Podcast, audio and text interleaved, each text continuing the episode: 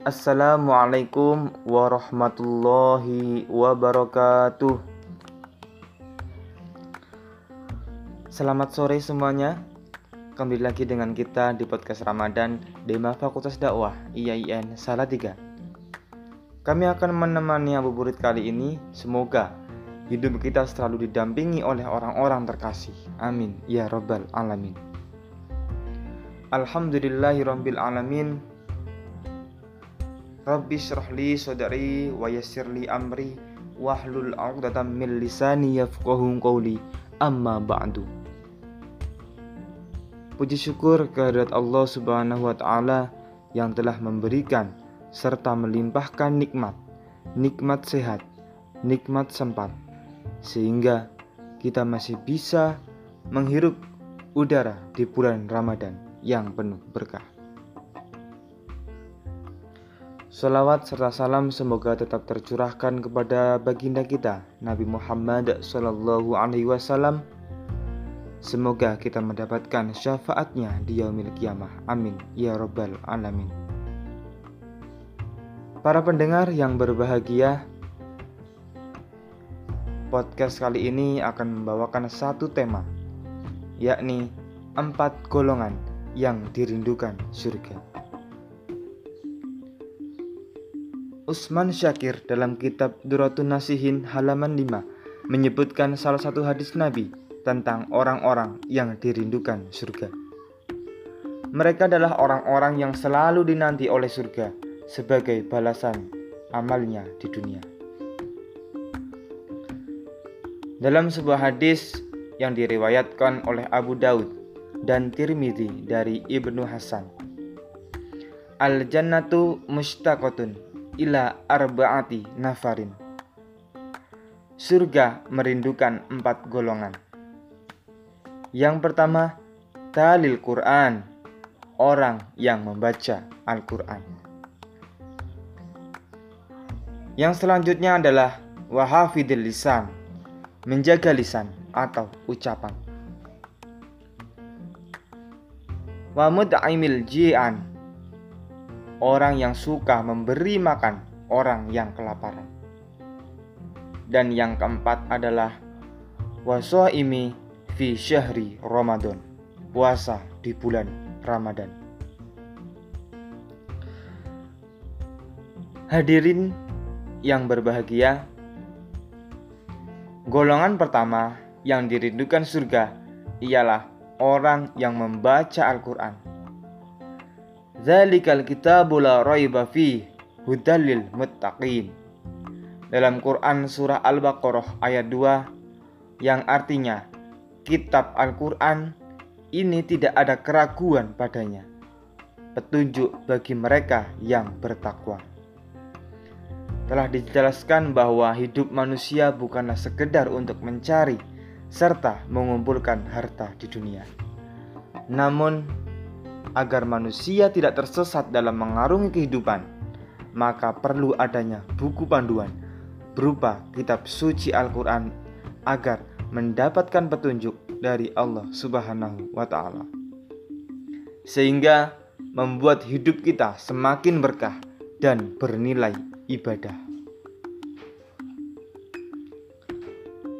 Golongan yang kedua adalah orang yang mampu menjaga lisan atau ucapannya. Kelembutan serta kebijaksanaan dalam berucap adalah salah satu bentuk bahwa manusia memiliki akal untuk berpikir yang membedakannya dengan hewan. Ucapan adalah cerminan diri kita, maka jagalah lisan kita agar tidak menyakiti hati saudara kita. An Abi Hurairah radhiyallahu anhu an Rasulillah sallallahu alaihi wasallam. Qala dari Abu Hurairah radhiyallahu anhu bahwa Rasulullah sallallahu alaihi wasallam bersabda, "Man kana yu'minu billahi wal yaumil akhir falyakul khairan au liyasmut."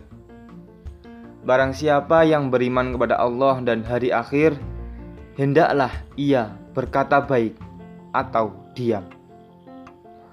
Wa man kana yu'minu billahi wal yaumil akhir falyukrim jaroh. Barang siapa yang beriman pada Allah dan hari akhir, hendaklah ia menghormati tetangganya. Wa man kana yu'minu billahi wal yaumil akhir falyukrim dhaifah. Barang siapa yang beriman kepada Allah dan hari akhir, hendaklah ia memuliakan tamunya.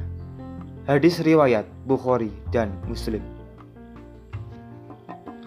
Golongan yang ketiga ialah memberi orang lapar. Kita semua adalah saudara. Kalau bukan saudara seagama, kita saudara sebangsa dan tanah air. Maka jangan ada perbedaan di antara kita. Nabi bersabda, "Sesungguhnya orang terbaik di antara kalian adalah orang yang memberi makan. Hadis riwayat Ibnu Sa'ad Al-Hakim At-Tabrani. Para pendengar yang berbahagia, golongan yang keempat yang dirindukan oleh surga adalah puasa di bulan Ramadan. Terfirmankan dalam Quran surah Al-Baqarah ayat 183 yang artinya Hai orang-orang yang beriman, diwajibkan atas kamu berpuasa, sebagaimana diwajibkan atas orang-orang sebelum kamu, agar kamu bertakwa.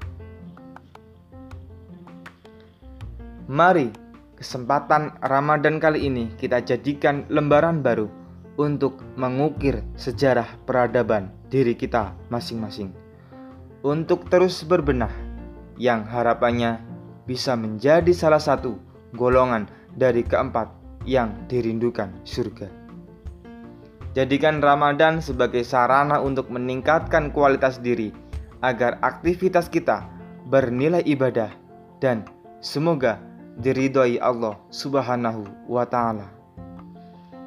Semoga kita bisa mendapatkan pelajaran serta hikmah pada kesempatan kali ini. Banyak kesalahan kami mohon maaf yang sebesar-besarnya. Wabillahi taufik wal hidayah, waridha wal inayah. Wassalamualaikum warahmatullahi wabarakatuh.